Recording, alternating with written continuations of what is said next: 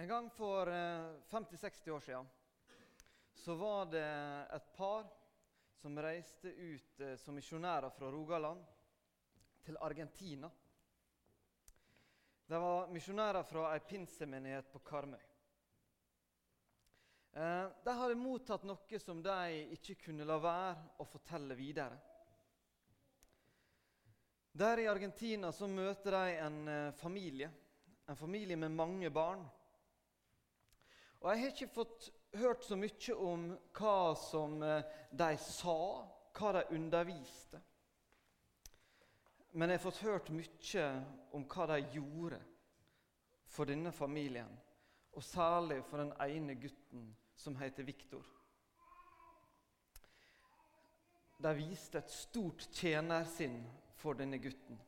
Så en gang eh, i 2010 så skal jeg en tur til Lima, hovedstaden i Peru. Jeg var misjonær i, i Peru eh, da. Eh, så var det en som skulle hjelpe oss med noen oppgaver som vi holdt på med der. Og så sier han det. Jeg har en kamerat eh, som eh, bor her i Lima. Eh, kommer fra Argentina og har lyst til å treffe dere siden dere er fra Norge. Og vi eh, tenkte at det er jo hyggelig. Eh, og vi møtte han Viktor på en kaffebar der i, i, Lima. Og Det var starten til et eh, godt vennskap. Jeg er god venn med, med Viktor enda og har kontakt med han på sosiale medier. Og Viktor har fortalt meg ganske mye om hvordan disse her eh, norske misjonærene tok seg av han, tok seg av denne familien.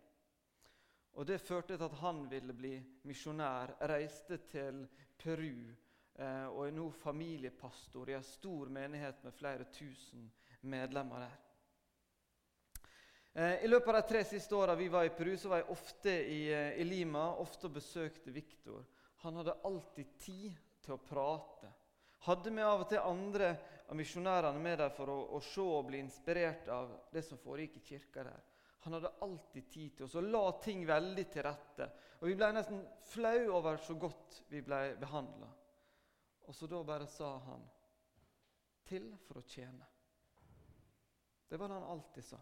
Noen ganger så slang han på til slutt 'velsigna for å velsigne'. Han hadde lært noe av disse norske misjonærene som han videreførte og viste oss. Et sånt veldig tjenersinn til for å tjene.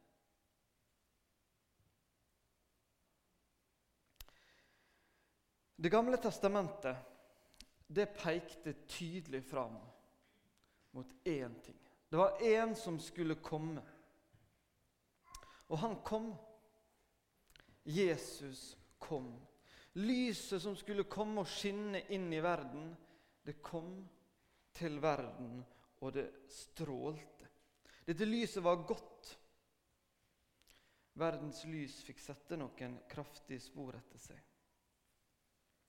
Men det var at Jesus var en annerledes leder enn kanskje vi tenker om en leder i dag, og kanskje også det de tenkte den gangen.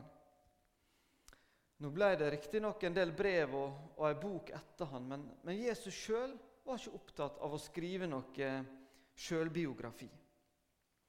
Han lagde ikke noen brosjyre og delte rundt til folk. Han var ikke opptatt av at han måtte ha et PR-byrå med seg på ferden. First House var ikke noen selvfølge den gangen. Det var én ting Jesus var opptatt av, og det var at han ville sette spor etter seg i hjertene våre. Det var i hjertene våre han ville sette spor, og ikke bruke tid på å skrive en sjølbiografi. Men da Jesus reiste tilbake, hva skjedde da? Hva skulle skje med dette lyset som hadde skint inn i verden, som folket hadde venta på, og som nå hadde vært der? Hva skulle nå skje? Kom det bare til å forsvinne?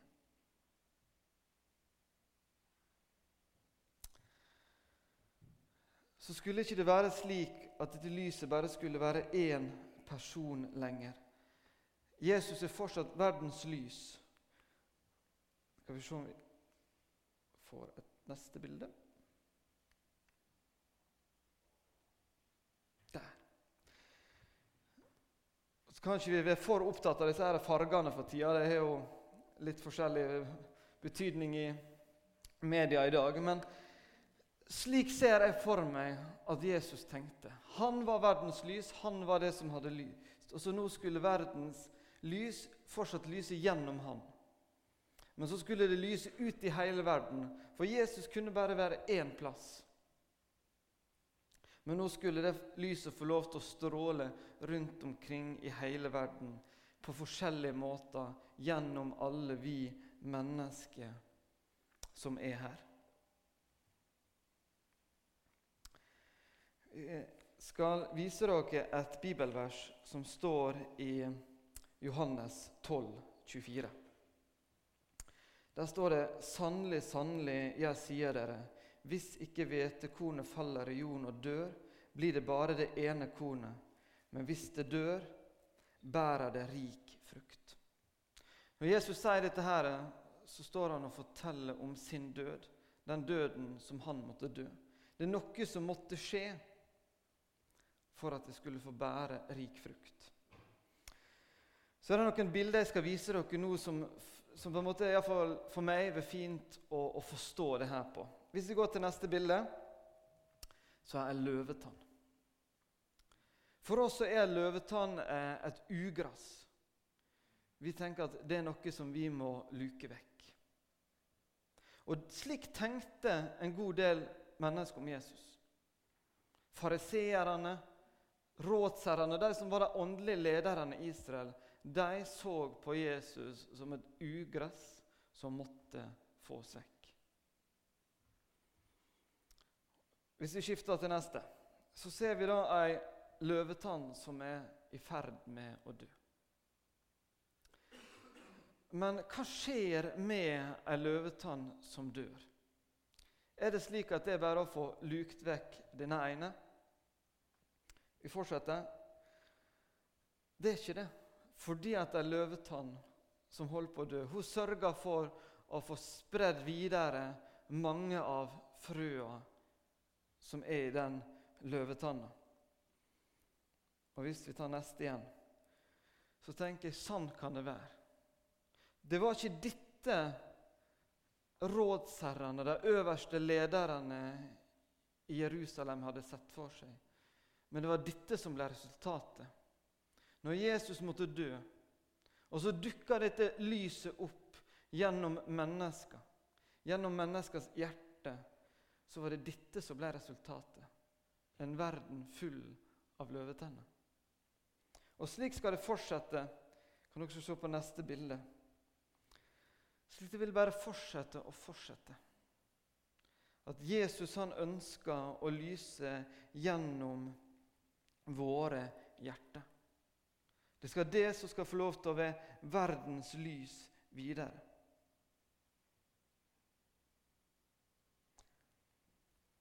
Når Jesus reiste hjem til himmelen, så tok han den risikoen å bli glemt. Det kunne ha skjedd at det stoppa med Jesus. Det kunne ha stoppa på et fjell i Galilea. Men det ble ikke det. Kanskje noen tenker at Gud er fraværende. Det kan av og til føles slik. Men det er ikke realiteten. Rent fysisk så er Jesus ikke her sammen med oss. Vi kan ikke ta på han, vi kan ikke se han. Men Bibelen forteller at Gud absolutt er til stede sammen med oss. Ofte i en forkledning som er vanskelig å oppdage. Men Bibelen sier at han kanskje er den fattige som vi ser rundt oss. At han er den sultne. At han er den som sitter i fengsel. Den som er sjuk. At han er verdens elendige, står det. Og så sier han det, at det som dere gjorde mot en av disse minste, mine minste brødre, gjorde dere mot meg. Så hvis vi tenker at Gud er fraværende på jord, så kanskje det er vi som leter på feil plass. Noen spør hvor er Gud når det gjør vondt? Kanskje vi bør stille spørsmålet annerledes.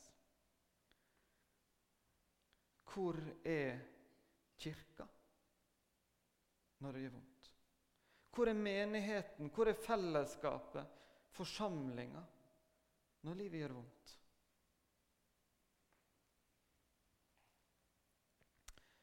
Gud har faktisk gitt oss ansvaret til å være hans føtter og hender i denne verden, på denne jord. Det er vi som skal få lov til å ta barna opp på fanget. Det er vi som skal få lov til å hjelpe de sjuke, de heimløse. Det er vi som er kalt til å sitte med sykesenga til de som snart skal forlate denne verden. I stedet for å spørre 'Hvor er Gud?', så kan vi heller si 'Her er jeg', til for å tjene. I Lukas 9, 23 og 24 så står det noe litt alvorlig. Noe ganske alvorlig står det til oss der. Vi skal få det opp på skjermen. Om noen vil følge etter meg, må han fornekte seg selv og hver dag ta sitt kors opp og følge meg. For den som vil berge sitt liv, skal miste det. Men den som mister sitt liv for min skyld, skal berge det. Jesus var ekstremt direkte i sin undervisning. I vår kultur så er vi kanskje vant til å pakke inn budskapet sånn passe fint, sånn det ikke skal oppleves så provoserende og ikke kjennes så brutalt. Det kan bli både litt undrende og jeg kan bli ganske utfordra av å lese hvordan, under, hvordan Jesus underviste, hvor tydelig han var. Hva var det han ville ha fram av å være så tydelig som det her? At vi må ta opp vårt kors og følge Han. Vi må miste livet for å berge livet. Kan det rett og slett være fordi han var så sikker på at det stemte? At det ble for dumt å prøve å, å gjøre dette her eh, lettere å svelge ved å runde det litt i kantene? Kan det være at han kom med et så tøft budskap, et så radikalt budskap, fordi han visste at hvis vi var villige til å leve et slikt radikalt liv, så kom det til å gi oss det han sier. At vi da kommer til å oppleve at dette stemmer. Et liv i radikal etterfølge av Gud. Det vil være det store livet. Det vil det, det, vil det som være det vil det som er å ha det gode livet. fornekte oss sjøl, være villig til å ha sine drøye utfordringer, det er å følge Jesus. Det er å berge det store livet, selv om vi vil miste vårt eget liv. Og Dette budskapet kunne jo egentlig ikke vært mer malplassert enn hva det er inn i, i vår verden i dag. For dette er stikk i strid til det vi eh, møter rundt oss i samfunnet. Det vårt samfunn i dag prøver å fortelle oss. Vårt samfunn i dag prøver å fortelle oss at vi må ha et liv der vi får tilfredsstilt våre ønsker, våre lyster. Vi skal sette oss sjøl i sentrum. Vi skal hele tida stille oss spørsmålet hva kan jeg få ut av dette? Det er det vi blir opplært til. Sett oss sjøl i sentrum. Og Så kommer Jesus og sier at det, hvis vi skal ha det godt, så må vi gjøre det som er stikk motsatt. Vi skal sette vår neste i sentrum, ikke oss sjøl. Jesus sier at lykken ligger i å fornekte seg sjøl. Mens verden forteller at lykken ligger i å sette, bruke mer tid på egne ønsker, egne begjær.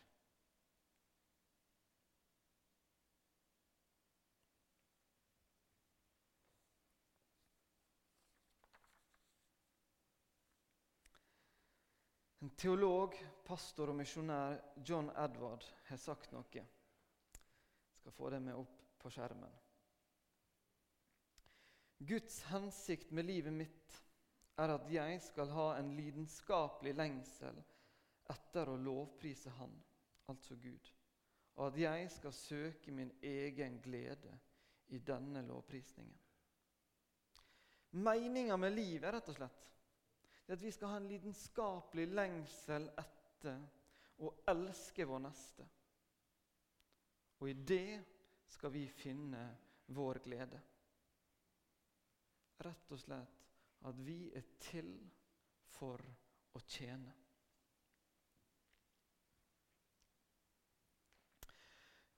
Nå har jeg brukt noen minutter til å formidle et utfordrende og ganske tøft budskap fra Bibelen. Kanskje opplever vi at det er i overkant tøft. Men Bibelen sier dette til oss, og vi skal frimodig få lov til å legge det fram. Samtidig så har jeg lyst til å, å, vise at Bibelen sier oss også noe annet som er godt å ha med inn i dette her. Eh, det skjer noe den siste natta før Jesus blir tatt til fange. Da stikker etter hvert alle disiplene vekk fra Jesus. De stikker av. Det er stussa på noen ganger. Hvorfor gjorde de det? Hvorfor kunne ikke de vært sammen med Jesus og hjulpet han når han trengte det som mest? Men jeg tenker at vi skal være glad for at akkurat det skjedde. Vi er glad for at de faktisk svikta akkurat der og da.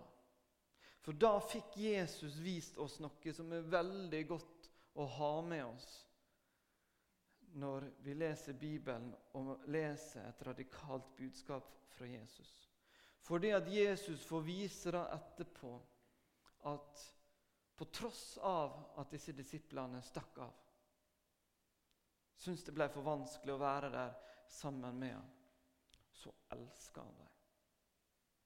Og så satte han dem inn i oppgaven igjen med å være de som skulle bringe evangeliet ut til verden. Selv om de ikke fikk det helt til, selv om de svikta flere ganger, så fikk han vist dem at hans kjærlighet, den overgår deres svakheter. Han elskte dem, og han elsker oss, tross at vi ikke alltid klarer det vi burde og at vi svikta. Hadde ikke disiplene forrådt Jesus, så hadde ikke vi så tydelig fått fram at Jesus elsker oss uansett. Hadde vi klart å være et perfekt gjenskinn av Jesu lys, så hadde ikke han trengt å tilgi oss heller. Så lenge det er vi som skal være Guds nærvær på jord, så kommer en del ting til å gå skeis. Vi kommer til å glemme, vi kommer til å snuble, vi kommer til å falle. Men så inviterer Han oss til å reise oss igjen, til å prøve på nytt, til å fortsette. Han vil gi oss en ny sjanse hele veien. På korset så måtte Jesus bære all verdens synd skyld og skam. Det var vondt. Men så sier han at kirka er hans kropp på jord. Du og jeg er det. Ei kirke som er alt annet enn fullkommen. Og nå bærer Jesus hans kirke sine sår. Det koster nok, det også. Han kunne unngått døden på korset, men da hadde ikke han fått berga oss. Han kunne også valgt å sjøl sørge for å få budskapet ut til hele verden på en eller annen måte. Da hadde han sluppet å forholde seg til ei kirke som svikta. Men han valgte oss. Og han vil trufast bære såra til sin kirke, også når det kosta mye. For han gjorde oss klare til å tjene. Et politisk, eh, en politisk bevegelse, parti, må liksom trekke sine grenselinjer, merke skillet og, og avsi sine dommer. Men Jesu kjærlighet den er ikke slik. Den er tvert om. Den går utover alle grenser. Den bygger ned forskjeller, og så tilbyr den nåde. Vi som kirke må aldri jage kjærligheten, ydmykheten på dør. Da vil vi som kirke, vi som forsamling og vi som enkeltmennesker lide skipbrudd. Vi må ønske et samfunn der alle blir ønska velkommen, uavhengig av rase, sosiale klasse, forskjeller mellom mennesker. Vi må vise at vi ønsker å vise og, vi er prega av kjærlighet, ikke konflikt. At vi ønsker å vise størst mulig omsorg for svake. At vi ønsker rettferdighet i en verden full av egoisme. At vi ønsker et samfunn der medlemmene konkurrerer om å tjene hverandre. Det er det samfunnet vi ønsker.